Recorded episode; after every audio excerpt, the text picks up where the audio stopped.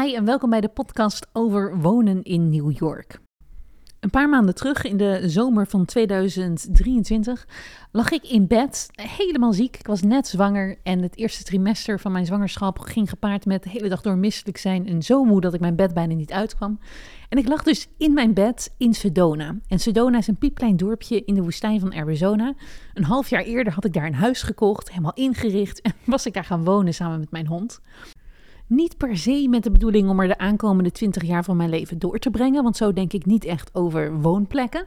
Maar wel met de bedoeling om er iets meer roots te krijgen. Dat was ook een groot huis en ik had één kamertje al helemaal als babykamertje gemaakt, de muren roze geverfd.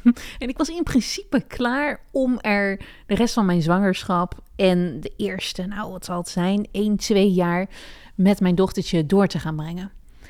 Maar ik had daar telkens een beetje een gek gevoel over. Iets klopte er niet helemaal. En het was ook, weet je wel, iedereen zegt ook altijd: je moet nooit grote beslissingen maken als je zwanger bent, al die hormonen. Maar ik bleef in dat bed, terwijl ik dus naar buiten keek en naar heel mooi de rode rotsen zag en de cactussen en alles waarom ik juist naar deze plek was gegaan, zo helemaal in de stilte in de woestijn, dacht ik alleen maar: ja wat heb ik zin in Uber Eats? Ik heb zin in sushi bestellen. Ik heb zin om naar de bioscoop te gaan. Ik heb zin in mensen om me heen. Ik wil reuring. Ik wil naar New York. Dus ik beloofde mijzelf in die eerste drie maanden dat ik daar elke dag dus ziek in bed lag. Zodra je je wat beter voelt, ga jij lekker een hele week naar New York. Nou, dat heb ik ook letterlijk gedaan toen ik beter was, uh, of in ieder geval wat beter voelde. Vertrok ik naar New York om daar een weekje in een hotel te zitten en de sfeer te proeven. En ergens in mijn achterhoofd zat wel het stemmetje van, nou, stel dat het heel erg leuk is, dan kan je daar zo meteen, als de baby een paar maanden oud is, kan je er altijd heen verhuizen. Maar toen ging ik dus naar New York en toen was ik hier, wat is het, drie, vier dagen. En toen werd ik zo ontzettend gelukkig van de stad en van weer tussen de mensen zijn. Ik heb twee jaar in de woestijn gewoond, dat ik dacht, ik wil nu verhuizen, ik wil me niet wachten. Dus op de ene laatste dag voordat ik terug zou vliegen naar Sedona, heb ik op internet gewoon gaan googlen naar huurappartementen in New York en ben ik appartementen gaan bezoeken. En ik ga zo meteen uitleggen hoe je dat onder andere hier doet. Toen heb ik diezelfde middag een huurcontract getekend dat de volgende dag in zou gaan. Zo werkt dat blijkbaar in, in New York. En had ik opeens een woning in New York. En toen ben ik terug naar Sedona gegaan, heb ik mijn spullen gepakt en ben ik volgens mij acht dagen later in New York geland met twee koffertjes. En vanaf dat moment woon ik hier. Dit is de hele korte versie van hoe ik in New York ben beland. En ik wil in deze podcast, en ik heb het uh, net op Instagram gevraagd, wil ik eigenlijk een paar van de meest veelgevraagde vragen over mijn leven in New York en überhaupt verhuizen, wil ik gaan behandelen. En laten we maar beginnen met degene die ik het allervaakste krijg en eigenlijk altijd een beetje ontwijkend op antwoord. Hoe kan jij in New York wonen? Heb jij een visum, een green card? Heb je een paspoort? Hoe werkt dat? Hoe kan je als Nederlander in New York gaan wonen? De reden dat ik hier altijd een klein beetje ontwijkend op antwoord is omdat ik weet wat er gaat gebeuren als ik nu specifiek ga uitleggen hoe mijn route is gegaan. Dan ben ik soort, voortaan een soort van ANWB-vraagbaak voor iedereen die zo'n soort route ook wil lopen. En daar heb ik geen zin in. Maar wat ik wel ga doen is gewoon even heel kort de, en bondig uitleggen de verschillende manieren waarop je in het buitenland kan wonen. Twee manieren zijn super duidelijk. De ene, als jouw ouders Amerikaans zijn of in Amerika zijn geboren, of jij bent in Amerika geboren, dan heb jij automatisch een Amerikaans paspoort en mag je in dit land wonen. Tweede is bijna net zo simpel. Als je met een Amerikaan trouwt, krijg jij ook vervolgens de papieren om in Amerika te wonen. Natuurlijk zitten aan beide dingen wel allerlei voorwaarden, haken en ogen, maar die mag je allemaal even zelf bij elkaar googelen. Als beide opties niet voor jou opgaan, dan kom je in het hele visumland. En een visum is niks anders dan een soort van papiertje dat zegt: oké, jij bent geen toerist. Want als je in Nederland woont, mag je in principe met een ESTA, dat is een toeristenvisum, sowieso naar Amerika 90 dagen achter elkaar. Maar als jij dus zegt: ik wil langer blijven en ik wil in Amerika gaan wonen, dan moet je dus een visum regelen. En er zijn dan verschillende routes die je kan nemen. Als eerste, als jij in loondienst bent, kan jij op zoek gaan naar een werkgever, of als je in loondienst wil in Amerika, een werkgever die jou wil sponsoren. Dus dan moet je ervoor zorgen dat je een baan aangeboden krijgt bij een Amerikaans bedrijf en dat zij vervolgens ook nog eens jouw visum regelen. Dat lijkt me, ik heb het nooit geprobeerd, want ik ben nergens in loondienst. Maar dat is een manier waarop de meeste mensen hier bijvoorbeeld in New York allemaal een visum hebben gekregen via hun werkgever. Als jij een ondernemer bent, heb je ook een speciaal visum wat je kan aanvragen. En dat is het E2-visum. En dan moet je een bedrijfsplan schrijven aantonen dat je hier in Amerika een soort van locatie of een vestiging gaat openen. En dan kan je op die manier in aanmerking komen om als ondernemer hier te komen wonen met een visum. Heb je daar geen zin in, maar heb je een heleboel geld, dan kan je een investeerdersvisum regelen of krijgen. Dan investeer je ongeveer een miljoen, en daar zitten ook weer allemaal verschillende haken en ogen aan, maar in de Amerikaanse economie. En dat kan bijvoorbeeld zijn dat je een investering doet in een groot pand wat je hier hebt, of dat je een investering doet in een bepaald fonds met andere investeerders. Maar ook dan krijg je een visum van Amerika. En als dat een klein beetje een treetje te ver is, heb je onder andere ook nog het speciale unieke mensenvisum. Als jij kan aantonen dat jij een unieke persoonlijkheid bent, bijvoorbeeld een beetje een BN'er, of je bent vaak in de media geweest, of je hebt iets wat bijna niemand kan en wat jou heel specifiek maakt, daar heb je ook speciale visums voor. En een van de dingen die je dan moet aanleveren om te laten zien hoe bijzonder jij bent, is onder andere stukjes uit de media en uit krantenartikelen. En als we nu toch over kranten hebben, er bestaat ook nog zoiets als een journalistenvisum.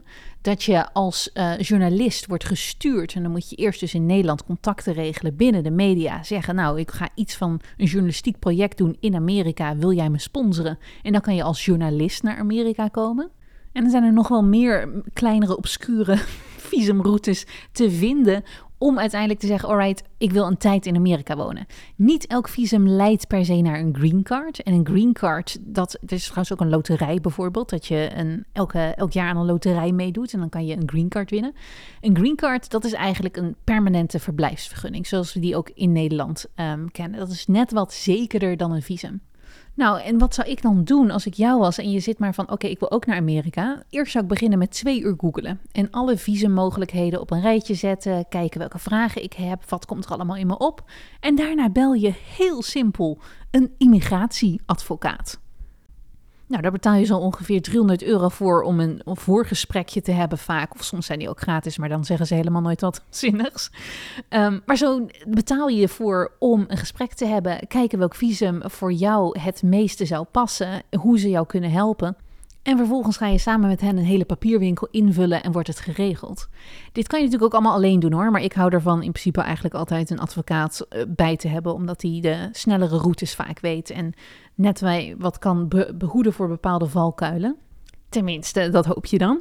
Want Amerika is een vrij lastig land om heen te gaan of heen te kunnen. En tegelijkertijd heeft Amerika hele fijne verdragen met Nederland, ook belastingverdragen, die het allemaal weer wat makkelijker maken. Dus is dit een van jouw wensen om in Amerika te wonen? Het valt gewoon te doen. Begin met googlen, vraag een immigratielawyer en voor je het weet zit je, net als ik, in Amerika. Alright, gaan we even de vragen beantwoorden. Een van de meest gestelde vragen is uiteraard: wat vind je nou van Amerika en het verschil tussen Nederland en Amerika? Ik ben als eerste naar Amerika gegaan toen ik 21 was. Ik studeerde toen aan de West Virginia University. Uh, allemaal theatervakken en make-up vakken. En ik kwam een half jaar hier dus studeren en reizen. En ik vond het geweldig. Echt letterlijk vanaf de seconde dat ik landde, dacht ik: wat een vriendelijke mensen. Wat een positiviteit. Wat een ongelooflijk groot land is dit. En wat is hier veel mogelijk. En terwijl ook Amerika natuurlijk in de afgelopen jaren, toen ik 21 was, dan praten we over 15 jaar geleden, veranderd is, vind ik dat nog steeds in de cultuur van Amerikanen zitten. Het joviale, het spontane, het aanmoedigende, niks is te gek, alles kan. En ik moet zeggen, ik heb zelf ook helemaal geen last van dingen die wij in Nederland vaak over Amerikanen zeggen. Zoals het is oppervlakkig of ze, ze denken niet echt, uh, ze menen dingen niet echt als ze zeggen. Ja, het is het in de cultuur om inderdaad te zeggen: Hey, how are you? En dan niet een antwoord te verwachten. maar zodra je dat nou eenmaal hebt geaccepteerd dat dat is wat die vraag is, het is een vraag die je stelt zonder dat je per se op een antwoord zit te wachten, vind ik er niet zoveel mis mee. En ik heb toch veel liever iemand die vriendelijk zegt: Hey, how are you? Dan dat je, en dan ga ik een beetje generaliserend zijn natuurlijk, maar in Nederland gewoon een zagrijnig hoofdje ziet en dat iemand niks tegen je zegt. Voor je nu denkt dat ik Nederland ga zitten afbranden, absoluut niet. Ik ben eigenlijk, sinds ik zwanger ben, ehm, ben ik heel veel dingen van Nederland gaan herwaarderen. En nu ben ik altijd gek op Nederland geweest hoor. Het is helemaal niet zo dat ik een Nederland-basher ben. Ik heb met heel veel liefde jarenlang in Nederland gewoond ook. Ehm, En een van de dingen die ik bijvoorbeeld heel erg van Nederland mis, is toch wel die nuchterheid. Die gewoon die heerlijkse Hollandse directheid, nuchterheid. Ach, dat doen we toch gewoon eventjes zo. Of daar maken we niet zo'n probleem van. Hier in Amerika is iets al heel snel een probleem. Er zitten sowieso, vind ik, en dat heb ik misschien ook extra gezien, omdat ik nu natuurlijk me begeef onder heel veel moeders. Maar zit er veel meer anxiety, wat is het Nederlandse vertaling? Ehm, angst, een beetje in de maatschappij. En aan de ene kant snap ik dat ook best wel goed, want je wordt hier voor alles aangeklaagd. Ik zit zelf letterlijk al twee jaar in fucking rechtszaken. En het is verschrikkelijk. Ehm, maar die, die angst om aangeklaagd te worden, die zit door de hele maatschappij verweven. Niet voor niks hebben zijn er zoveel series natuurlijk uit Amerika over al die lawyers. Dat is hier ook echt een ding. En ik ben er echt helemaal ontdaan van hoe snel men hier met lawyers zit te zwaaien. Om alles word je echt letterlijk aangeklaagd. En om je een voorbeeld te geven, ik ben nu bijvoorbeeld 27 ehm, weken zwanger. En ik heb de afgelopen twee maanden, sinds ik naar New York ben verhuisd, heel veel moeite gehad om een verloskundige te vinden die mij wilde aannemen in de praktijk. En waarom? Blijkbaar, en had ik ook eerlijk gezegd wel een klein beetje door, maar blijkbaar was mijn midwife, de verloskundige die ik had in de woestijn, die was zo slecht dat mijn tracking van de baby en de gezondheid van mij niet adequaat voor de New Yorkse standaard gedaan is. Dus elke keer als ik mijn medische dossier instuurde van nou, dit zijn de testen die ik heb gedaan tot nu toe en dit is er in de zwangerschap gebeurd, dan kreeg ik altijd terug, oh sorry, wij kunnen je niet aannemen als patiënt, want we durven de liability niet aan. Ze zijn dan zo bang dat er bijvoorbeeld dan toch nog iets gebeurt en dat ik ze op een of andere manier kan soeën. En dat is echt ja, dat is een, iets wat in Nederland gewoon, denk ik, op die manier heb ik nog nooit, weet je wel, ik heb nog nooit in een rechtszaak ook in Nederland gezeten, op die manier met rechtszaken bezig geweest. We zijn echt wat dat betreft een, een flink stuk minder bang in Nederland. En gewoon een stuk nuchterder. Als er iets naars gebeurt, dan zeg je gewoon sorry, gaat niet meer gebeuren, zand erover. en ik mis die mentaliteit enorm. Ik heb trouwens ondertussen eindelijk een verloskundige gevonden een paar dagen geleden die me wel heeft geaccepteerd, dus dat is fijn ik ben ook als Nederlander al vrij direct. En ik denk dat ik dus in Amerika met mijn directheid, die wij Nederlanders dus van nature ook hebben als volk, ook nog eens extra direct overkom. Dus ik moet daar ook altijd een beetje aan wennen dat mensen met heel veel omwegen niet echt zeggen wat ze eigenlijk bedoelen. En dat ik er dan gewoon zo blunt doorheen banjer van, oh bedoel je eigenlijk dit? Want nou ja, daar moet ik ook een beetje op letten. Dus die dingen mis ik onder andere van Nederland. Naast natuurlijk dat Nederland fucking fantastisch geregeld is. Onze gezondheidszorg, um, er is heel veel geklaagd altijd in Nederland over Nederland, maar we zijn werkelijk een van de rijkste en meest bevoor, bevoordeelde, meest fantastisch georganiseerde landjes ever. Als je hier op straat gaat, dan, weet je wel, om mijn hele, om mijn hele wolkenkrabber heen zitten overal dakloze mensen. Dat heb je in Nederland niet op die manier. Mijn zorgverzekering is 1200 euro per maand. En heb ik echt een van de meest shitty zorgverzekeringen. Want ik kwam ook weer opnieuw niet in aanmerking voor een betere zorgverzekering. Allemaal regels en papierwerk en weet ik veel wat allemaal. Dus ik heb echt een hele slechte zorgverzekering. Waar ik naar bijna geen enkele arts in heel New York mag, zomaar. Ehm, en ik betaal alsnog 1200 euro per maand. En als ik zo meteen ga bevallen, dan moet ik sowieso rekenen op ongeveer 10.000 euro uit eigen zak meebetalen aan de bevalling. Dus in Nederland zijn dingen heel goed geregeld, in Amerika niet. Ik vind Nederlands eten ook geweldig lekker. Ik heb enorm veel zin in haring. En vla. En een kant-en-klare lasagne van de Albert Heijn vind ik altijd heel lekker. ik ben niet zo'n ontzettend moeilijke eter. Maar ik had in Nederland had ik dus allemaal zulke hele lekkere dingetjes die je dus van thuis, um, ja, van thuis kent. En toen ik zwanger werd, had ik daar ook allemaal opeens zo'n heimwee naar. Die echte typisch Nederlandse dingen die je hier gewoon echt niet kan krijgen. En uiteraard wonen ook familie en vrienden in Nederland waar ik, ehm, ja, die ik normaal zag. Heb ik nou echt heimwee? Nou nee. Als ik zou willen, zou ik natuurlijk naar Nederland kunnen komen. Maar voor mij is hier in Amerika wonen, het is nog steeds een leuk avontuur. Het is nog steeds een andere omgeving. Ik heb, wat is het, 15, 14 jaar in Amsterdam gewoond. En ik ben journalist geweest voor Parool. Ik heb echt het idee dat ik Amsterdam van binnen en buiten toen heb leren kennen. Elke straat weet ik wel. Je hoeft maar maar een foto te laten zien en dan kan ik waarschijnlijk raden waar, waar ergens in Amsterdam je bent. En hoewel dat ook heel erg leuk is en zo zijn charme heeft, en ik zie me ook zeker wel echt wel weer een keer een paar jaar in Amsterdam gaan wonen bijvoorbeeld, vind ik verhuizen ook gewoon echt heel leuk. Een nieuwe plek leren ontdekken. Het is een klein beetje alsof je elke keer een spel speelt. Je moet de, juiste supermarkt weten te vinden, de leukste restaurantjes. Je moet weer netwerk opbouwen, vriendinnen opbouwen. Alles weer eigenlijk in het nieuw. En nu heb ik dat heel vaak gedaan, want vanaf mijn zestiende ben ik ongeveer 18 keer verhuisd. Er zijn niet veel jaren geweest dat ik langer dan een jaar ergens heb gewoond. Volgens mij echt één of twee keer dat dat is gebeurd. En dat is soms deels omdat ik geen geld had. Ik heb de eerste jaren in Amsterdam bijvoorbeeld anti-kraak gewoond. Dus dan betaal je, weet ik niet meer, volgens mij iets van 200 euro per maand om in appartementjes te wonen die daarna gesloopt worden. En moest ik dus heel vaak verhuizen ik vond dat fantastisch, want zo leerde ik de hele stad goed kennen om overal in een andere wijk weer even te gaan wonen. Um, daarna gaat het bij het verhuizen ging het steeds vaker om uplevelen. Dus dan was ik, weet je, dan kon ik eindelijk een appartement betalen van laten we zeggen 600 euro per maand. En dan ging ik daarna geld verdienen en kon ik appartement betalen van 1000 euro per maand. Of dan ben je gaan samenwonen en dan ging je samen in een appartement wonen. Dus de omstandigheden dat ik ben verhuisd is ofwel noodzaak, ofwel leuk dat je gaat samenwonen en samen ergens heen verhuist. En een paar keer een tijdelijk appartement, omdat ik dan uh, een koophuis aan het zoeken was en dat dan niet 1, 2, 3 lukte. Dus ja, ik ben de boel inpakken, verhuizen en weer uitpakken heel erg gewend. En ik vind het zelf altijd wel een leuke challenge. Ik vind het wel iets leuks om te doen. Dit is altijd een van de dingen waar mensen het meest verbaasd over zijn, die zelf bijna nooit verhuizen. En omdat ook over het algemeen vaak wordt gedacht over verhuizen als een enorme stress. Ik ervaar dat niet zo. Als allereerste heeft dit leven, zo vaak verhuizen, mij echt een hele fijne minimalist gemaakt. Ik hang bijvoorbeeld ook niet aan bepaalde meubelstukken of bepaalde prularia vast. Ik weet nog dat ik van toen ik als student ging verhuizen, had ik uh, met mijn moeder een hele grote rode leunstoel gekocht. En dat was de stoel waar ik altijd in las en in studeerde. Ik was heel erg gehecht aan die stoel. En toen ik um, naar Amsterdam verhuisde, ging dus overal ook die hele grote zware stoel, die ging overal mee. En het was zo irrationeel om dat te doen. Die stoel was 50 euro een keer op een kringloop gekocht. En toch, omdat er dus een sentimentele waarde aan hing, wilde ik die stoel overal kwijt. Terwijl die ook eigenlijk helemaal niet in bepaalde huizen heel erg paste. en toen ik eindelijk, volgens mij na verhuizing drie met een vriendje, die die stoel ook helemaal zat was, um, besloot van, ja, weet je wat, het is ook wel goed, ik zit er eigenlijk nooit meer in. Ik zet die stoel op marktplaats en ik ben er klaar mee. Ik weet nog wat voor opluchting ik voelde en dat ik toen ook aan mezelf beloofde, nooit meer ga je op deze manier aan spullen hechten, want het is gewoon fucking onhandig om dat te doen.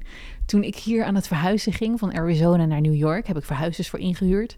En dat kost best wel wat geld. Een verhuizing in Amerika van de ene naar de andere kant van het land moet je ongeveer op 10.000 euro rekenen. Ik was heel goedkoper uit, want ik ging van een heel groot huis naar een piepklein appartementje van 70 vierkante meter. Dus ik had maar een paar dingen die ik wilde meenemen. En de reden dat ik ze meenam, verhuisde in plaats van nieuw kocht, zijn eigenlijk de levertijden. Omdat als ik alles nieuw zou kopen, dan zouden er weer hele lange levertijden van twee of drie maanden zijn. En daar had ik geen uh, zin in. En toen zei de verhuizer ook tegen mij: Ja, weet je wat het is? De meeste mensen die kunnen eigenlijk, die zijn allemaal IKEA-zooi aan het verhuizen voor die 10.000 euro. Wat veel goedkoper zou zijn als ze het opnieuw zouden um, uh, kopen. Maar dan is het toch vaak dat hun boeken bijvoorbeeld, dat er zoveel sentimentele waarde aan hangt, dat ze de boeken niet willen achterlaten. Dus dan voor die boeken gaan ze toch de 10.000 euro betalen om het naar de andere kant van het land te laten verschepen. Nou, ik heb geen boeken, terwijl ik ongeveer 60 à 70 boeken, denk ik, in een jaar lees. Nee, misschien nog wel meer. Ik denk wel 100, 200 boeken of zo. Ik lees, ik lees elke week ongeveer twee boeken. Dus wat is het? Dan zitten we op 100 boeken in een jaar. Um, maar ik heb alles op mijn e-reader, omdat ik dus houd van minimalistisch leven, overal heen kunnen en overal mijn boeken bij me kunnen hebben, zonder dat het om fysieke boeken gaat. Goed, ik zit helemaal uit te wijden. Dat is een van de dingen die zo vaak verhuizen mij onder andere heeft geleerd. Dus niet dat ik mijzelf heel erg vastklamp aan spullen of bepaalde boeken. En niet dat dat erg is als je dat wel hebt. Maar ik vind het fijner en lichter leven om te weten dat no matter what, ik me met een laptopje en een telefoon en mijn hond overal wel thuis ga voelen. Ik word ook wel eens gevraagd of het een soort van vluchtgedrag is dat ik zo vaak verhuisd ben. Wat ik al eerder zei, soms was het gewoon puur praktische redenen. Um, maar tegelijkertijd denk ik ook dat het gewoon in sommige mensen zit. En daar ben ik er zeker zelf eentje van. Ik maak me er gewoon allemaal niet zo druk om. Ik begin meestal de dag van tevoren met inpakken. Nou, dan heb ik zo alles binnen een paar uur in dozen. Ik huur altijd verhuizers in, omdat ik weiger mijn vrienden in te zetten als werkpaarden. En vervolgens ben ik dan de, de avond erop, zit ik in een nieuw huis en ben ik de dozen aan het uitpakken. En heb ik weer opnieuw een kans om de boel gezellig in te richten. En dus de buurt te ontdekken, te kijken hoe het huis mij bevalt. Een, nieuw, een soort van nieuw chapter. En ik vind dat heel erg gezellig en leuk en makkelijk. Dus het past ook bij mij om gewoon vaak van woning te wisselen. Ik ben misschien ook wel meer een eeuwige optimist dan een pessimist. En ik denk eigenlijk bij altijd, oh, het zal waarschijnlijk ook wel leuk zijn. Dus ik ben nu extreem blij met mijn appartement hier. Het is ongelooflijk stil. Ik zit uh, op de bovenste verdieping bijna van een wolkenkrabber. En aan alle kanten van mijn appartement zitten geen buren. Dus boven mij zit niemand. Aan de linker en aan de rechterkant zitten allebei geen buren. Dus alleen aan de overkant van de gang zit iemand. En die heb ik nog nooit gehoord. Dus het is doodstil in mijn appartement. Het enige wat je hoort zijn de sirenes van de straat. En ik had niet verwacht, moet ik zeggen, als je zo hoog zit, dat, um, uh, dat je dat zou kunnen horen. Maar die hoor je wel. Zeker als je de ramen zou openen. Maar daar ben ik inmiddels al wel aan gewend, aan die sirenes horen. Maar verder heb ik dus gewoon nog nooit mensen gehoord in mijn appartement. En dat is zo'n ongelofelijke luxe. Om daar maar gelijk even over te hebben, want ik ben een introvert. Dus ik houd heel erg van stilte. Ik ben extreem gevoelig voor geluid. Ik ben zo gevoelig voor geluid. Ik heb een hele rare trigger. Dat als ik in Amsterdam was, daar zijn de huizen en heel veel van de appartementen die ik huurde, die waren allemaal wat ouder. Als je dan dus niet op de bovenste verdieping woont en ik hoorde als ik in mijn bed lag andere mensen boven mij lopen, nou, dat is zo'n zware trigger voor mij. Terwijl dan vriendjes altijd naar me keken van, waar heb je het over? Wat maakt het nou uit? Ja, je hoort wat voetstappen boven je. En ik werd gek. Ik heb het een soort van teruggebracht, denk ik, naar mijn ouderlijk huis. Ik ben opgegroeid in een heel oud jaren 40 huis in Arnhem. En mijn zus, die, haar slaapkamer was boven mijn slaapkamer. En zij, ergens in een bui in, in haar puberteit, had toen naar de vloerbedekking van haar vloer eruit gerukt. Omdat het dan, I don't vond ze mooi die, die houten balken. Maar ik hoorde dus elke keer in mijn bedje, en ik ben jonger, dus ik was, lag ik altijd eerder in bed, haar boven mij rondstampen. En ik denk dat de trigger daar vandaan komt.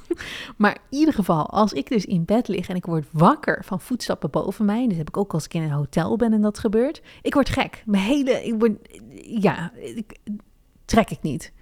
En dan probeer ik me altijd nog om te draaien en weer te gaan slapen. Of dan doe ik oordoppen in. denk ik, nee, niks aan de hand. Mensen mogen gewoon lopen.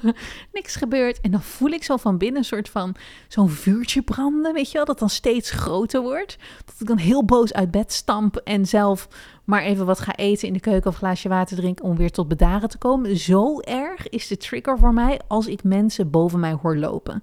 Hier kan ik zeker inderdaad nog wel wat therapie over gebruiken. Of dus gewoon altijd appartementen nemen die op de bovenste verdieping zitten, wat mijn copingstrategie de afgelopen jaren is geweest. Next question, die gaat over Bella, mijn hond. Ik ga hier kort en bondigen over zijn, want de beste hond heeft niet zoveel mee te delen.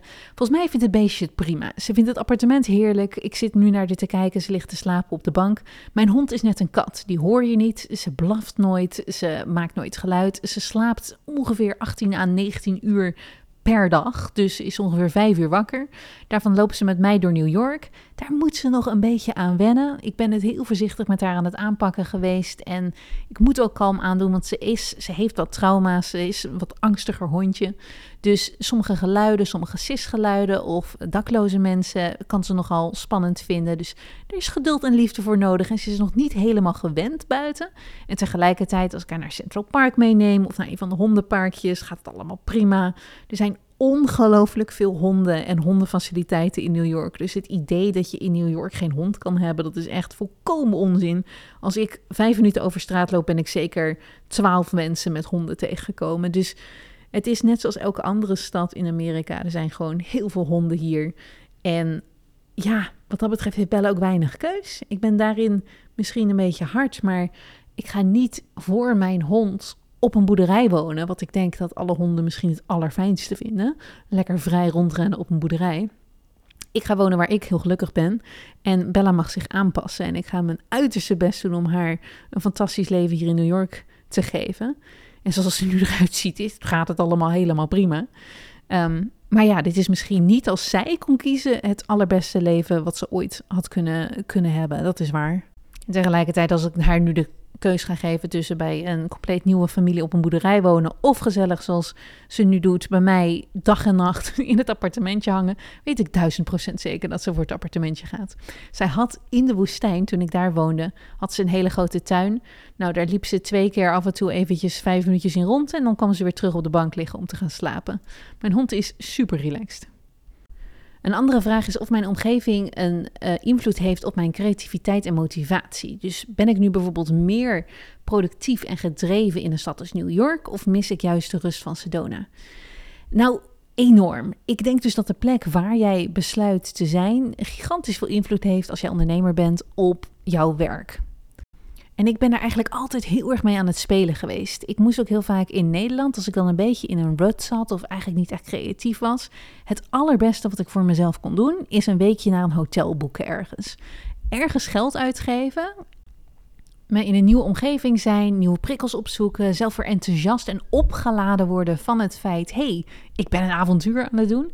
Dat heeft ongelooflijk veel weerslag ook op mijn eigen zin en enthousiasme om te werken. Dus hoe ik dat eigenlijk tot nu toe altijd heb gedaan, is zeker toen ik nog weinig geld had. En het dus ook altijd een beetje spannend was om te denken: oh, maar dan heb ik nu eigenlijk niet zoveel geld. Is het dan wel verstandig om op reis te gaan? Dan juist op reis te gaan, omdat het tegelijkertijd mij dan een beetje dwong om te denken: alright, maar we hebben net een ticket van 1000 euro naar Bali geboekt. We zitten hier voor 200 euro per nacht.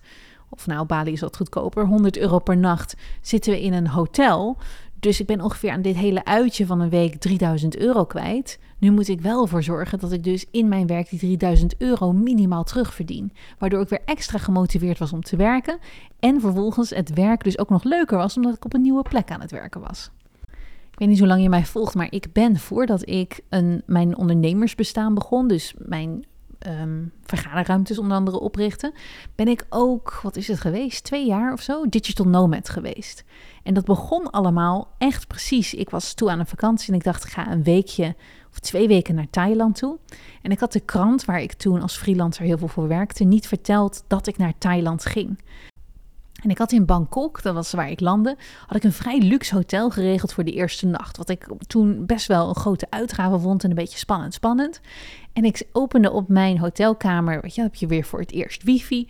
Opende ik mijn computer en ik zag een mailtje van de krant binnenkomen die mij bedankte voor een stuk wat ik net voor vertrek op Schiphol naar ze toe had gestuurd. En gelijk het verzoek om een nieuw stuk te schrijven. Van hey, wil je hier en daar een stuk over schrijven? En ik werd als freelancer natuurlijk per stuk betaald. En dan moet je ongeveer denken aan 3 tot 500 euro per krantenartikel wat ik schreef.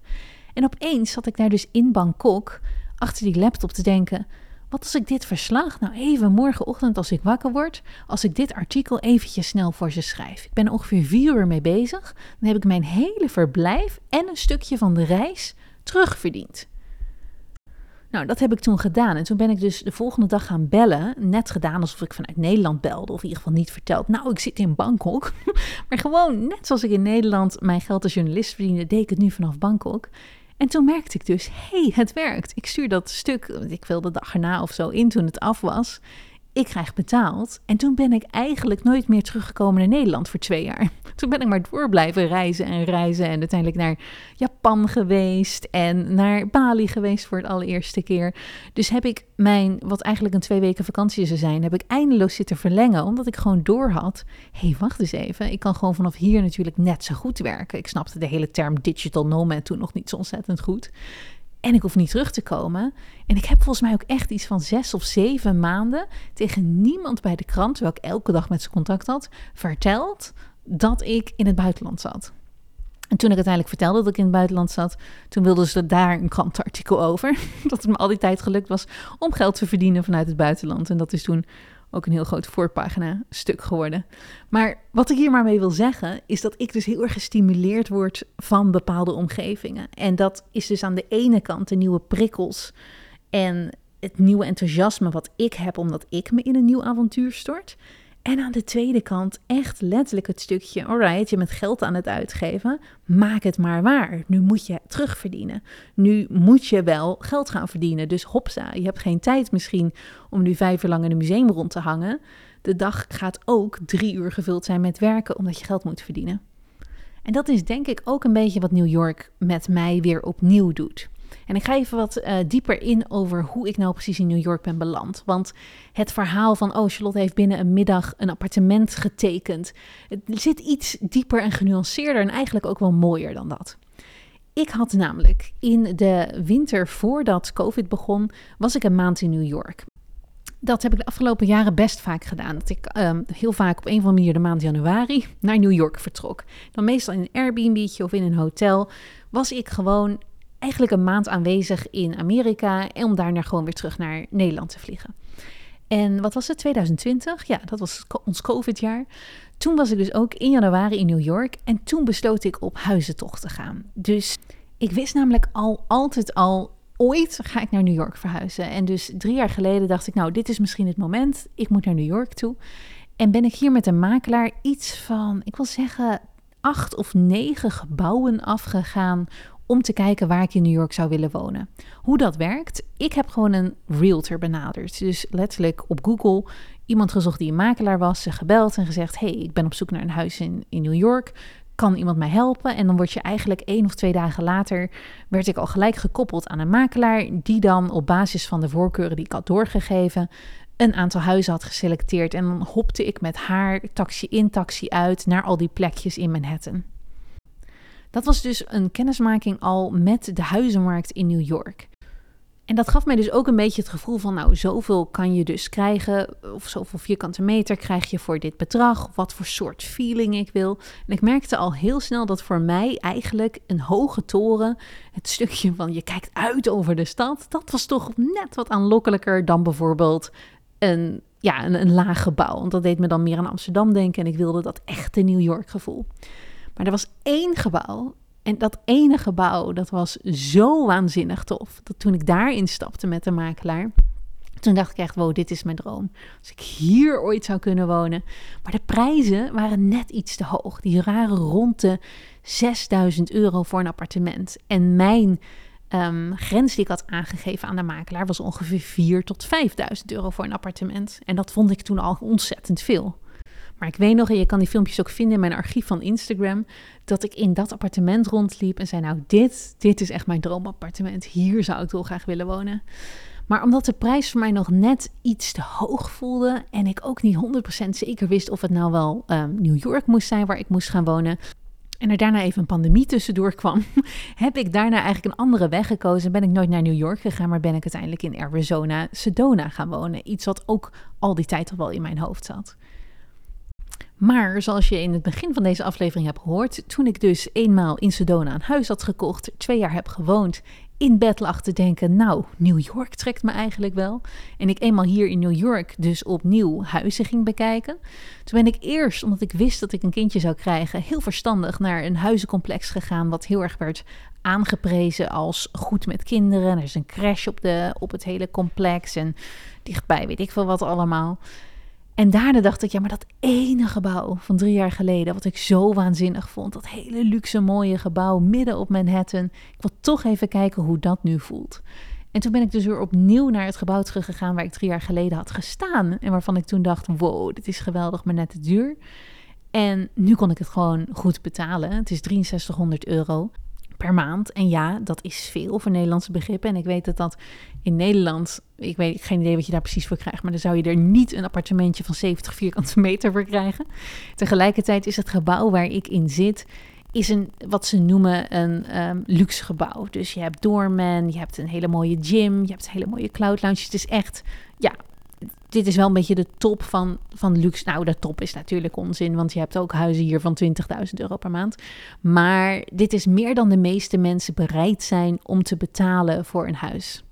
Maar ik stapte dit appartement in en ik had weer precies hetzelfde gevoel als drie jaar geleden. Van, oh hel ja, dit is waanzinnig tof. En toen heb ik dus onmiddellijk getekend. Ook een klein beetje omdat ik het appartement tegelijkertijd met een ander meisje keek. En zij keek ze rond en zei van ja, ja, dit is wel het leukste appartement dat ik tot nu toe heb gezien. ik zo, hmm, ja, ik eigenlijk ook. En toen ben ik gewoon naar beneden gerend en heb ik mijn naam opgeschreven dat ik appartement wilde hebben. Dus het is absoluut ook een gevalletje fear of missing out geweest. Maar prima, ik hou van salestechnieken. En hoe dat dus in, een, in New York gaat, dan teken je eigenlijk direct. Als je met een makelaar op stap ging, zoals ik drie jaar geleden had gedaan, dan had een makelaar een maand lang, nee, eh, de huur van een maand gekregen. Dus als ik via deze makelaar dan dit appartement zou hebben gehuurd, zou ik haar ook nog 6000 euro moeten betalen omdat ik nu gewoon letterlijk, want dat kan hier in New York, naar het gebouw heb gebeld of gemaild. Je kan bij elk gebouw in New York kan je gewoon flats aanklikken. Als je door hebt, oh, dit is een residence, hier kunnen mensen wonen, het zijn huurhuizen.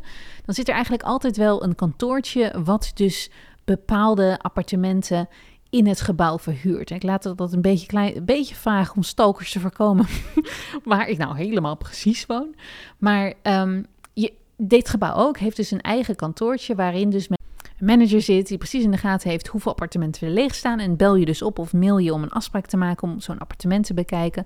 Dan uh, word je binnengelaten, krijg je een rondleiding en kan je er eigenlijk altijd gelijk de volgende dag intrekken. En omdat je dan dus ook zonder makelaar komt, hoef je ook niet die huurmaand aan de makelaar te betalen. Nou, hoe vind ik dus dit appartement? Het is ongeveer 70 vierkante meter. Ik heb dat net voor het eerst opgezocht, want ik, um, ik geef er nooit heel veel om. Wat er staat is onder andere mijn bank. Dan is er een open keukentje. Ik heb een aparte slaapkamer, een badkamertje en super luxe voor New York. Dat heeft echt letterlijk 80% van de mensen heeft dat niet. Maar ik heb een eigen wasmachine en droger. Ja, en ik vind het waanzinnig. Misschien komt het ook wel. Het huis dat ik in Sedona heb, dat is een koophuis. Um, daar zit een hypotheek op, want op, op beide, beide van mijn koophuizen zit hypotheek. En dat is investeerder technisch gewoon veel slimmer. Um, maar dat is, dat is, wat is het, 400 vierkante meter. En een gigantische tuin en een dubbele garage en weet ik veel wat allemaal. En ik vond het leuk om in zo'n groot huis te wonen. Ik weet nog dat ik het heel bijzonder vind dat wat ik ook bestelde voor hobby. Ik heb daar hele dingen liggen om schilderijen te maken en te breien. En eh, weet je wel, ik ben zo iemand die 100, 100 hobby's heeft en ze dan na een week niet meer doet. Um, en ik vond het heel leuk dat overal een huis daarvoor een plekje was. Dat was ik niet gewend. Altijd geleefd in kleine Amsterdamse appartementjes. Dus ik vond dit, ja, het bijzonder. En tegelijkertijd om helemaal in je eentje in zo'n heel groot huis te wonen. Er waren er vier kamers. Ik had allemaal extra slaapkamers voor familieleden en zo. Die konden langskomen en vriendinnen. Handig, ja, oké. Maar ja, die zitten ook niet het hele jaar rond bij je. Maar in mijn eentje in dat huis te wonen, ik vond het wat eenzamig. Dan was ik s'avonds, als ik dan de lichten wilde uitdoen, was ik letterlijk 10 minuten bezig om die lichten uit te doen. Tot ik natuurlijk dan alles helemaal elektrisch ging doen en het met één druk op de knop met een appje kon doen. Maar alsnog, je moet zeg maar alle deuren langs zijn, alle deuren dicht. Het was een soort van te groot gewoon voor mij alleen. En nu heb ik dat huis gekocht al met het oog op, dit, hier ga ik niet eeuwig wonen, dit is een investering en dit gaat het supergoed doen als, als B&B. Dat doet het nu ook, want ik heb hem nu op Airbnb gezet en ik krijg er 600 euro per nacht voor. Letterlijk, terwijl ik dit aan het zeggen ben, zitten er mensen in mijn huis.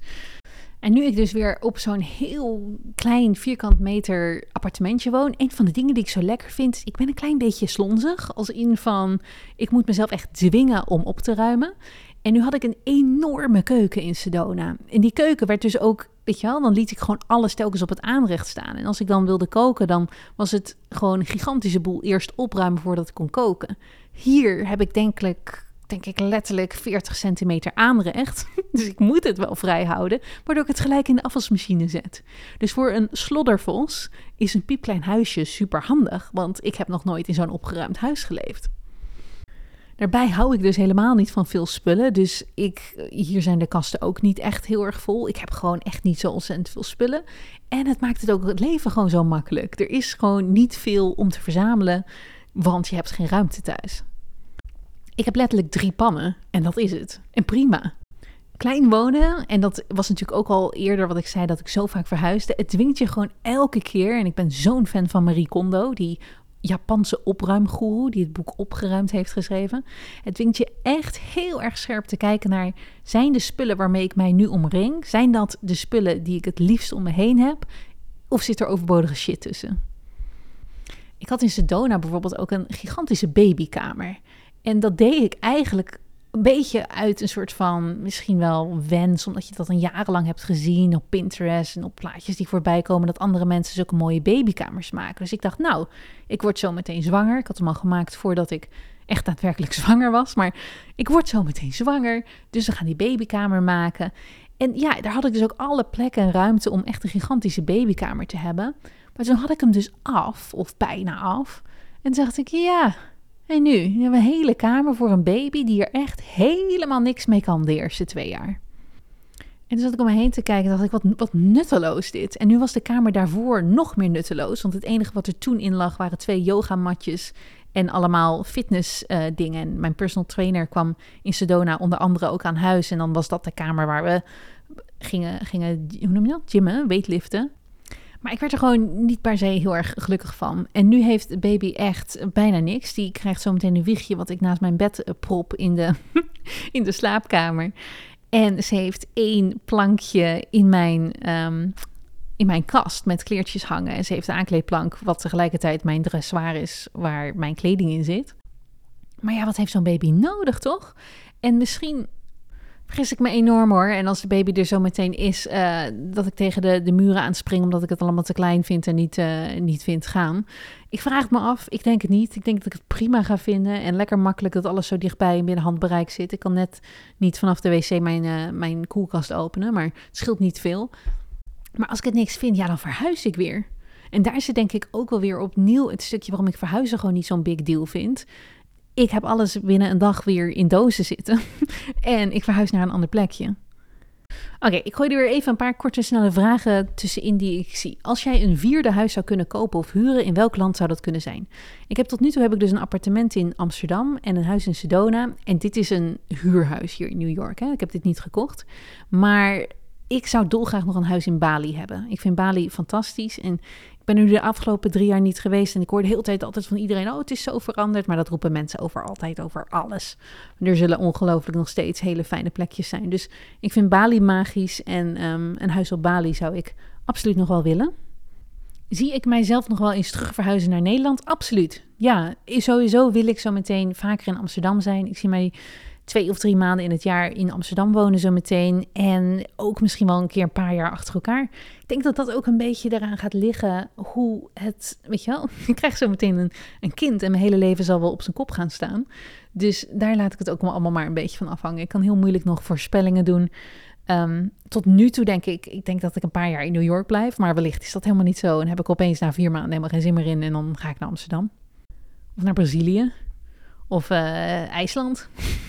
ik weet het niet. Ik weet het niet. Ik vind het heel moeilijk om daar grote voorspellingen over te doen. Want als je dit mij vijf jaar geleden had gevraagd, had ik gezegd: Oh, ik ga sowieso in Amerika wonen. Maar dat is nu gelukt. Daar ben ik nu. En ik vind het fijn. En nu heb ik eigenlijk niet één land of plek waarvan ik altijd nog heel erg in mijn hoofd had: van oh, daar zou ik zo graag willen wonen. En omdat ik natuurlijk geen partner heb nu, is het echt letterlijk aan mij. Ik kan alles beslissen. En een van de uh, nou, als je mijn podcast hebt gehoord over mijn uh, kinderwens en dat de kinderen met een donor heb gekregen. Ik heb natuurlijk ook geen vader waar ik rekening mee moet houden. Geen vader van de kinderen. Dus ik kan letterlijk zo meteen overal gaan en staan waar ik wil. Dus ik weet het eigenlijk nog niet. Volgende vraag is of ik mij al thuis voel in New York. Mm, nog niet helemaal. Als in van, waar ik me heel erg thuis in voel, is dat alle mensen hier een beetje haast lijken te hebben en wat ongeduldiger zijn. Dat is ook een van de stereotypes die je hoort over New York. En het klopt ook wel. Ik ben nog nooit in een stad geweest waar mensen zo snel lopen dat het mijn tempo heeft. Ik ben altijd degene, ik ben ook lang, ik heb lange benen. Maar ik, ik loop altijd iedereen voorbij op elke stoep waar ik ga, omdat ik het snelste loop. En hier in New York lopen mensen mij voorbij, wat ik waanzinnig cool vind. Het voelt een beetje of ik een fulltime op vakantie ben, omdat ik gewoon weinig haast heb op een dag. En iedereen om me heen bezig is, ambities heeft, dingen, dingen om heen te gaan. Ik vind het heel erg, ja, ik vind het een gezellige sfeer hebben wat dat betreft. Een van de andere dingen die ik heel leuk vind aan New York, maar waar ik me nog niet thuis in voel op die zin. Je ziet hier mensen gewoon continu naar events en feestjes gaan. Heel mooi gekleed uit taxis stappen.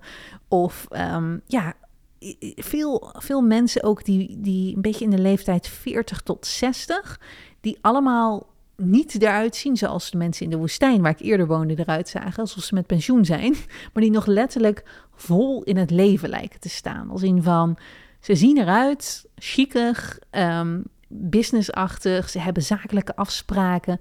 Het voelt heel erg, ja, hoe zeg ik dat? Gewoon ambitieus. En ik vind het wel lekker inspirerend eigenlijk. Ik was een beetje, ik wil niet zeggen verschrikt, maar als ik om me heen keek en waar ik woonde is ook echt een compleet andere uiterste. Hè? Ik woonde in een klein woestijndorp, 10.000 mensen. Vooral oudere mensen met pensioen waren. En die echt, ja, je loopt daar alleen maar in een soort van vrije tijdskleding rond. En het was niet echt dat daar nou heel veel ondernemers of mensen met ambitie zaten. Er zaten allemaal oud-ondernemers die allemaal hun bedrijven hadden verkocht, miljonair zijn geworden en dan Sedona konden betalen. Maar niet mensen die nog heel erg in de hustle en bustle bezig waren. En dat vind ik hier dus wel zo voelen en lijken. Als ik hier ergens in een restaurantje ga zitten, zitten er gewoon overal mensen om me heen. Niet alleen maar toeristen, zitten er ook heel veel. Maar gewoon ook heel veel mensen die een soort van zakelijke afspraken lijken te hebben. En ik vind het inspirerend. Ik vind het tof om te zien hoe vrouwen. Weet je wel, ik wil zo'n vrouw zijn in de 50 die daarmee bezig is. En dit zou een hele andere aflevering weer kunnen zijn. maar er is zo'n hele stroom op Instagram waar ik gefascineerd door ben. En wat ik ook heel leuk vind om te kijken. En ik hou ontzettend veel van de verschillende leefstijlen allemaal zien van mensen. Maar het hele stukje van slow living en je eigen appeltaart maken en um, je groentes plukken en twee kippen kopen om de eieren van op te rapen. Ik vind het fantastisch. Maar tegelijkertijd, de afgelopen twee jaar heb ik wel een beetje aan mezelf bewezen dat dat niet echt de fase was van mijn leven. Ik bedoel, ik kon dat doen in de woestijn met mijn tuin en alle, alle ruimte en vrijheid om me heen. En ik deed het niet echt. Ik ben geloof ik toch niet echt dat type. En ik word toch echt wel het meest gelukkig van lekker carrière maken. En nu maak ik natuurlijk carrière op een gekke manier, want het is in mijn eigen bedrijf. Maar ik vind groei en vooruitgang in de zin van nog meer mensen helpen. Of nieuwe cursus ontwikkelen en die verkopen. Of nieuwe verkoopskills moeten maken. Of kunnen nadenken over mijn branding en dat anders gaan doen. Dat vind ik allemaal intellectueel wat uitdagender en leuker dan een appeltaart maken. En nu klinkt het heel denigrerend en dat wil ik het niet zo laten zijn. Want ik denk ook dat er dus heel veel mooiheid zit in het plezier kunnen vinden in die appeltaart maken. Of in het slow living en het rustige leven. Maar nu ik het zo contrast zie van mijzelf in New York en hoe ik hier word aangestoken door die energie en die ambitie van mensen om me heen. En hoe ik mij langzaam een beetje in slaap voelde sukkelde op het platteland.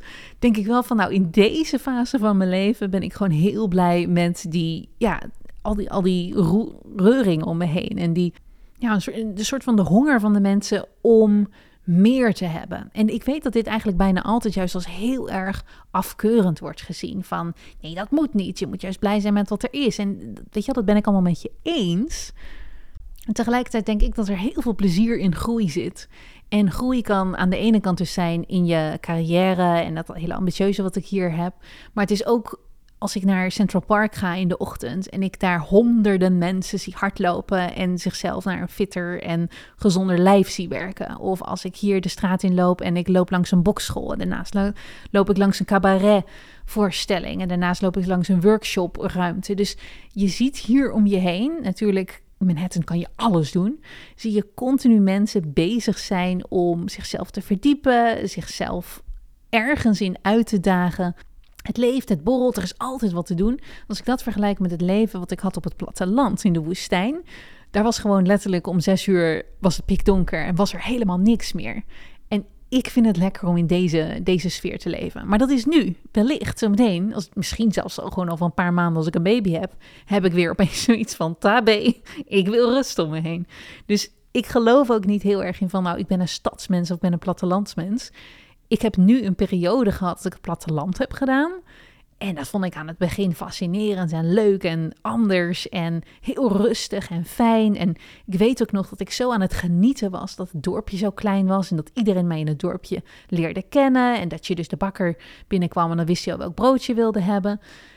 En nu heb ik, weet je, dat werd uiteindelijk na anderhalf jaar dacht ik al wat beklemmend. Iedereen weet de hele tijd wie ik ben. Iedereen vraagt me naar Bella.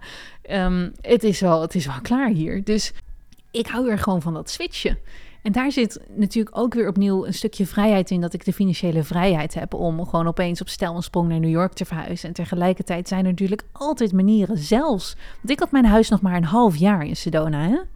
Ik heb in totaal twee jaar in Sedona gewoond, maar het merendeel van die tijd heb ik zitten hoppen van Airbnb naar Airbnb. En weet je wel, een paar maanden hier, een paar maanden daar, tot ik een koophuis uh, ging kopen. En toen ik eenmaal dat koophuis had, ben ik dus zes maanden later, zeven maanden later, naar New York gegaan. Ja, ik heb daar ook nul schaamte over, eerlijk gezegd. Het is onverstandig misschien. En tegelijkertijd, ja, ik verhuur het nu voor meer geld. Of nou, ik, ik speel ongeveer kiet, want de hypotheek is best wel hoog. Maar ik vind het niet gênant van mezelf om dat aan te passen. Ik vind het juist heel erg lekker dat ik gewoon lekker mijn gevoel kan volgen. En dat is ook een van de dingen waarom ik graag die financiële vrijheid wilde hebben en zo kaart heb gewerkt om te komen waar ik nu sta. Ik weet dat ik zo in elkaar steek. Ik vind het lekker om gewoon te kunnen denken: hé, ik vind het eigenlijk niet meer zo chill. Ik denk niet meer dat dit bij me past. Tabé, we gaan weer wat anders doen. Ik heb hier een hele grote koorherinnering aan van toen ik klein kind was. En als klein kind ben ik helemaal niet vaak verhuisd. Eén keer als uh, klein kind en daarna tot en met ik het huis uitging in hetzelfde huis. Maar ik en mijn moeder gingen een keer op kraamvisite bij iemand die net was verhuisd naar een heel groot en mooi huis. En ik keek mijn ogen uit als zo'n fantastisch modern ingericht huis. Ik weet niet hoe oud ik was. Ik denk een jaar of, of tien of elf. En we zitten daar op de bank en ik mocht geloof ik dat babytje vasthouden. Nou, allemaal fantastisch. En zegt, hij, zegt mijn moeder van, nou, hoe vind je het? Je woont hier nu twee weken. En toen zei die vrouw terug, ja, en we gaan het huis weer te koop zetten. Ik vind het hier verschrikkelijk. En ze had heel erg last van de snelweg die langs het huis reed. En ze dacht dat ze dat niet zou hebben, of dat was niet zo opgevallen bij het kopen. En nu bleek dat toch heel erg te zijn, dus ze hebben het huis weer te koop gezet. En ik weet nog dat ik zo, en ik weet niet meer precies hoe mijn moeder reageerde, maar ik was in shock dat dat kon. Dat je zoiets groots als een huis kon kopen. En dan twee weken later weer kan denken: Nou, het is het toch niet, te zetten te koop. En weet je wel, nu ik snap hoe je huizen koopt en verkoopt, daar zitten natuurlijk allemaal wat nadeeltjes aan om een huis onmiddellijk na de koop weer te verkopen. Want je bent allerlei uh, aankoopkosten en weet ik wat allemaal kwijt. Maar tegelijkertijd heeft dat op een of andere manier heb ik die herinnering zo verankerd in mijn brein dat ik dat als een soort van vrijheid en vrijkaartje heb gezien van oh ja, dat mag gewoon in plaats van hoe hoe er in de maatschappij vaak wordt gepraat over huizen kopen. En dan ga je een huis kopen en dan moet je daar per se vijf jaar wonen, want anders is het eigenlijk bladibladibla. Nee, je kan doen whatever de fuck je wil. het is misschien niet altijd de meest financieel voordelige optie. En misschien aan de andere kant weer wel. Je leest soms ook bijvoorbeeld van, um, hoe noem je dat, beroemdheden hier in Amerika die het huis in het ene jaar kopen voor 5 miljoen en het jaar erop het te koop zetten voor 6 miljoen er is niet een bepaald regelsysteem waar je aan moet houden als jij je hebt vastgelegd aan een huis, waar, omdat het nou eenmaal de manier is waarop de meeste mensen dat doen. En het moet passen. En ik hoor je al denken, ja, voor jou makkelijk praten. En het moet passen en het moet kunnen. Maar er zijn misschien altijd wel creatieve manieren te vinden om het op te lossen. Als jij net iets hebt gekocht of gehuurd en je denkt, nou, dit is het toch eigenlijk helemaal niet. Is het echt onmogelijk om er vanaf te komen of om iets creatiefs te bedenken? Ik denk het niet. En hierbij past denk ik ook de vraag ehm, die ik hier lees. En dat is: hoe neem je de stap om te verhuizen? Is het een gevoel dat bij je opkomt, welk je maar niet kan negeren? Of is het een idee hebben en ergens naartoe willen, dus helemaal doordacht. En vanuit dit idee de voorbereidingen treffen en gaan? Ik denk dat het dus altijd een beetje een combinatie is. Kijk, zoals dit New York, dat lijkt heel erg van, oh hopsa, ik had een ingeving en ben opeens in New York gaan wonen. Tegelijkertijd hoorde je net dat ik drie jaar geleden al in dit appartementencomplex heb gestaan. En toen heel doordacht en zorgvuldig verschillende wijken en verschillende appartementen in Manhattan heb bekeken. En ben ik ook in mijn leven, denk ik, al zes of zeven keer een maandje in New York geweest. Dus ik ken de stad een klein beetje. En tegelijkertijd denk ik wel dat het stukje van, oh, laten we maar gewoon eens kijken hoe het werkt, bij mij altijd wel een grote rol speelt. Gewoon, ik probeer het uit, ik ga het eens eventjes, ga ik erheen. Je hoeft je niet per se altijd aan een jaarcontract vast te leggen. Je gaat het gewoon proberen hoe het is. Als jij een grote droom hebt om in, nou, Zuid-Frankrijk op een boerderij te gaan wonen, dan ga je eerst eens een keer een maand lang een boerderij huren op Airbnb in Frankrijk. Kijken hoe je het vindt. En dan kan je vanaf daar weer verder gaan beslissen. Ik geloof niet zo heel erg in allemaal beslissingen maken zonder dat je het pad op bent gaan lopen. Mijn hele cursus over doelen stellen, die ik in december altijd verkoop, gaat hier helemaal om. Je gaat je helemaal inbeelden in wie ben jij als persoon om die beslissing te maken. En vaak kan je dat nog helemaal niet vanuit je huidige plek en vanuit je huidige netwerk en vanuit je huidige mindset allemaal bedenken. Dus moet je eerst stapjes gaan zetten om ervoor te zorgen dat jij die persoon gaat worden, of nu, in het nu gaat worden, die jij graag wil zijn, of waarvan jij denkt dat jij bent als je die droom verwezenlijkt. Nu zeg ik dit even heel ingewikkeld, daarom heb ik hier een hele cursus over. Maar wat ik dus bedoel is, Als jij nu een grote droom hebt om bijvoorbeeld die boerin in Zuid-Frankrijk te zijn, dan moet jij nu in het hier en nu, al woon je nu op een flatje in Bennekom, ga je nu alvast dat leven zoveel mogelijk proberen te leiden. Dus je gaat ergens appels halen. Je gaat, ik weet niet waarom ik telkens met die appeltaart kom, alsof boerinnen alleen maar appeltaart te maken. Ehm, je gaat alles leren over koeienmelken.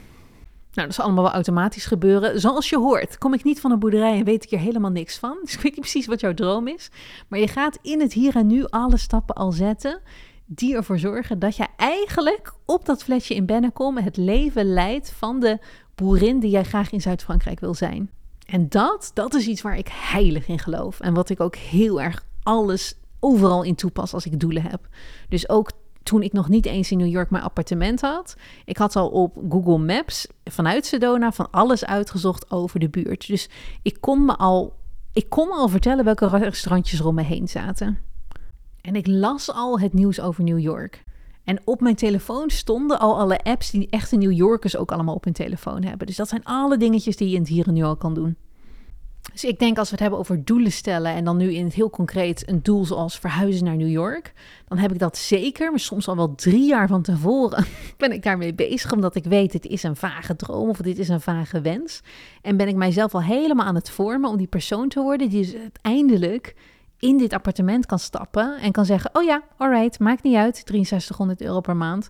Ik, ik kan dit betalen en ik teken ervoor. En dat lijkt dan hartstikke spontaan, maar is dat zo? Ik denk het niet. En dat maakt het voor mij helemaal niet minder leuk of bijzonder. Dat maakt het eigenlijk juist extra bijzonder. Omdat ik dus weet van wow. Ik ben ook echt gaan terugbladeren toen ik hier net het appartement had getekend en gekeken naar de Charlotte van drie jaar geleden, die toen ook op Instagram letterlijk deze appartementen liet zien op haar stories. En zei van, wow, dit is echt een droomappartement. En dacht ik, oké girl, drie jaar later, je hebt het gedaan. En het is niet meer een enorme uitgave voor je. Om maar even gelijk door te stomen naar de leefkosten in New York. Die liggen hoog. Ik snap echt totaal waar mensen het over hebben. Het is de duurste plek waar ik ooit heb gewoond, denk ik. Al was Sedona. Uh, in de woestijn was het ook ook prijzig. Amerika is gewoon voor Nederlandse begrippen heel anders. Um, mijn appartement kost kaal 6300 euro. Dus daar moet je ongeveer nog 200 euro bovenop rekenen met internet en elektriciteit en uh, et cetera. Dat is een smak geld en daarmee zit ik ook echt wel aan de top van wat je, of aan, niet aan de top, maar wel heel hoog aan wat je betaalt voor een eenkamerappartement hoor. Een eenkamerappartement is in New York meestal meer rond de 3 à 4000 euro. Met 3000 euro heb je een goede deal. 4000 euro is wat mensen gemiddeld betalen. Maar dan zit je dus niet in een gebouw zoals waar ik zit, wat heel luxe is met doormen en een eigen wasmachine en droger. En dan heb je vaak een vrij niet zo'n fantastisch appartement. En dat is gewoon een beetje de gemiddelde huurprijs. Um, heel veel mensen wonen hier met huisgenoten. Als je denkt, hoe kunnen mensen dit betalen? Dus veel dertigers wonen met een huisgenoot. Je kunt ook naar een goedkopere buurt verhuizen. Brooklyn was veel goedkoper. Is inmiddels niet meer heel veel goedkoper, maar nog steeds wel een beetje goedkoper. Ik woon op Manhattan, dat is ook echt de duurste van de duurste. Dus mijn woonlasten zijn inderdaad hoger dan gemiddeld.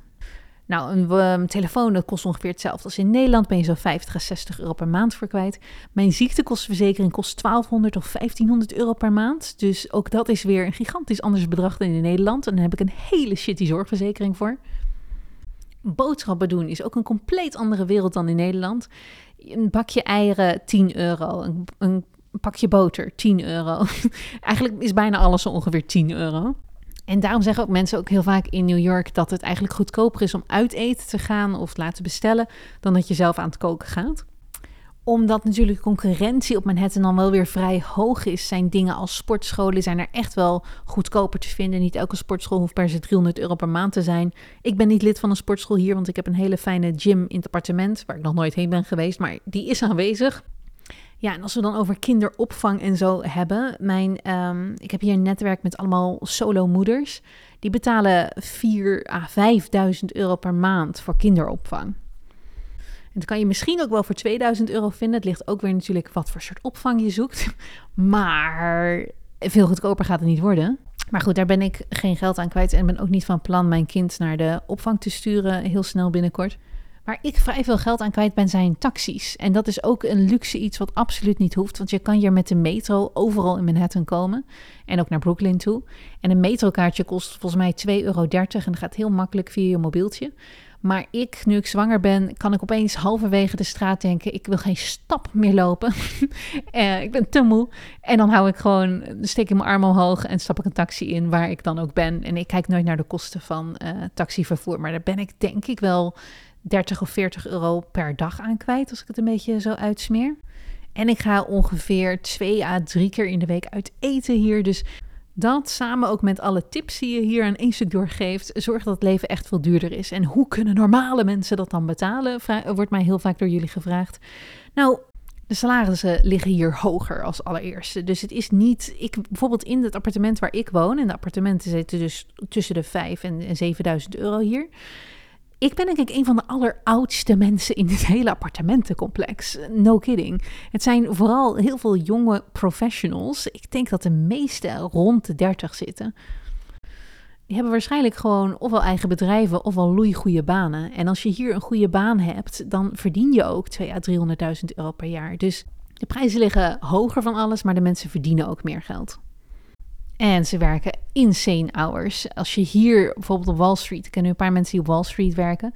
Die werken letterlijk van 7 uur s ochtends gaan ze naar kantoor toe. En die komen soms om 12 uur of om 1 uur s'nachts thuis. En dan zijn ze om 7 uur s ochtends weer op. Dus dat zijn zulke uren. En dan heb je twee weken vakantie in het jaar. Dus mensen werken hier heel anders dan in Nederland. En mensen geven ook heel anders uit dan in Nederland, wat ook interessant is. En zeker bijvoorbeeld voor online cursussen, wat ik natuurlijk verkoop, en retreats. Ik heb nu twee keer een retreat georganiseerd um, in Sedona. En daar vraag ik dan samen met de mede-organisator 3000 euro voor, voor drie dagen voor. Nou, in Nederland zijn dat gigantisch hoge prijzen om te vragen voor een driedaagse retreat. En dan moet je er nog bij rekenen dat in Amerika komen ze vaak helemaal gevlogen vanuit heel Amerika dan naar bijvoorbeeld Sedona. Dus wij hadden allemaal meiden, dat was een retreat voor single moeders. Allemaal meiden vanuit New York en Texas en Washington, die zowel eerst 3 à 4 of 500 euro neerlegden voor een vliegticket, dan nog helemaal naar de bestemming moesten reizen en dan 3000 euro neerleggen om drie dagen een retraite te hebben dat zijn, dat zijn dingen waar ik in Nederland toch wel heel veel overredingskracht voor nodig zou moeten hebben om dat te kunnen verkopen. Terwijl hier in Amerika hadden we enorme wachtlijst omdat het gelijk vol zat. Dus mensen geven hier anders uit. Um, de tips, eh, Christmas tips voor de doorman, die zijn 200 euro per persoon. En je hoeft hier allemaal niet aan mee te doen en je hoeft niet naar zulke retretes te gaan. Ik bedoel alleen maar te zeggen dat soms dat ik vind dat Weet je, als mensen heel verbaasd of verontwaardigd zijn over een bepaald bedrag wat ik hier in New York ergens aan uitgeef, of daar heel veel ophef over bestaat, dan denk ik, je moest eens weten. Er zijn heel veel mensen die op deze manier um, geld uit moeten geven omdat ze hier willen wonen. En dat is natuurlijk ook heel erg de nadruk. Hè? Je wilt hier wonen, je hoeft hier niet te wonen. Niemand hoeft in New York te wonen. En tegelijkertijd is, Amerika, want ik praat nu even over de rijke mensen. Tegelijkertijd is Amerika natuurlijk ook een voorbeeld van de schrijnende armoede. En dat is ook compleet anders dan hoe wij het in Nederland hebben. Maar er is hier geen goed sociaal vangnet. En het is ongelooflijk schrijnend om op straat te lopen en zoveel dakloze mensen te zien die allemaal duidelijk hulp nodig hebben. Niet alleen fysiek, maar ook mentaal vooral. En daar is in Amerika gewoon geen goede structurele oplossing voor. Er wonen 8 miljoen mensen in New York. En dan hebben we het over groter New York, dus niet alleen Manhattan. Het is natuurlijk absoluut niet zo dat al die 8 miljoen mensen het geld hebben om in New York op een manier te wonen waarop ik er nu woon. Nou, om even door te gaan met de 8 miljoen mensen ik ben een introvert en ik ben dus, wat ik al eerder zei, mijn appartement is doodstil. Ik vind het fantastisch. Tegelijkertijd is New York natuurlijk een enorme overprikkeling met heel veel toeters en bellen en overal mensen. En hoe overleef ik dat? Ik ben heel gevoelig voor geluidsprikkels. Dus ik vind het heel fijn om een koptelefoon op te hebben met eh, zo'n dempende functie. Dat ik iets minder al het uh, geluid hoor binnenkomen. Tegelijkertijd ben ik iemand die heel erg van prikkels houdt. Dus ik kan heel erg genieten van in mijn eentje een paar uur door de stad slenteren en al die prikkels mee te krijgen, maar niet per se er iets mee te doen. Dus het is anders. Ik zou waarschijnlijk ook nooit het type worden wat hier elke avond in een bar gaat zitten hangen, want dat vind ik veel too much. Maar het idee dat ik naar een bar kan, dat vind ik heel erg fijn en heel erg leuk nu. Dus hoe ik New York beleef is heel erg dat ik het ongelooflijk fijn vind dat ik alles kan doen wat mijn hart begeert. Overal onmiddellijk. Weet je, ik heb een gekke ingeving als ik om drie uur s'nachts cheesecake wil. En dat heb ik ook echt een paar keer gedaan. Bestel ik cheesecake en dan staat er twintig minuten later iemand op mijn deur te kloppen omdat hij cheesecake komt brengen. Fantastisch. Dus ik vind de service en het, het eigenlijk op impuls kunnen leven. Oh, ik heb nu zin om naar het theater te gaan. Een kwartier later kan ik ergens een kaartje kopen voor theater. Dat vind ik geweldig. En tegelijkertijd is het voor mij niet nodig om al die impulsen te volgen, want ik heb niet zo'n ongelofelijke behoefte om continu eruit te gaan. Dus voor mij is een heel fijn appartement, en daarom betaal ik dus ook met liefde die 6300 euro voor dit appartement, want het is waanzinnig. Heb ik nodig om als een veilige basis te hebben, waar het rustig is, waar het stil is, waar ik geen mensen boven me hoor lopen, zoals je nu weet. Um, om me terug te trekken en zodra ik wil, kan ik die prikkels opzoeken. En dat vind ik een ongelooflijk fijne combinatie. En het gebeurt wel hoor, dat ik dan op straat loop en dan een beetje over mijn eigen grenzen ben gegaan. Of met een vriendinnetje. Ik heb nog niet zo heel veel vriendinnetjes hier. Ik heb trouwens een hele aparte aflevering over vriendinnen maken en vriendschappen. Uh, waarin ik veel dieper inga op als je op een nieuwe plek komt, hoe ik dan vriendschappen sluit. Dus daar ben ik nu niet op ingegaan. Maar als ik af en toe met een vriendinnetje zit en we hebben een restaurant uitgekozen, wat bijvoorbeeld heel luid was of waar de muziek hard staat, en dan kom ik helemaal overprikkeld naar buiten. Hoe ik er dan mee omga, is gewoon letterlijk weer opnieuw mijn hand opsteken, een taxi instappen. En ik ben twintig minuten later ben ik weer thuis in mijn stille appartement. Dus het is een heel makkelijke stad om overprikkeld te raken. Maar ik denk ook een hele makkelijke stad om die stilte op te zoeken als je wil. Hier in de, in de straat zijn al iets van acht spa's en massagesalons. En heerlijke rustplekken. En al die hele mooie hotels die je in New York hebt. Die lobby's die zo doodstil zijn waar wat klassieke muziek op staat. Het is ook een, een walhalla van hele fijne, rustige, mooie plekjes en parkjes en boerenmarktjes. Je hebt hier gewoon echt letterlijk alles. En met deze woorden sluit ik ook af. Dankjewel voor het luisteren. Ik heb een hele rits aan andere podcasts, dus blader ze vooral eventjes door. Sommige zijn heel erg businessgericht, andere gaan bijvoorbeeld over plantmedicijn drinken of een survival trip from hell ergens in de woestijn. Die, uh, die is heel grappig, die zou als je er tijd voor hebt.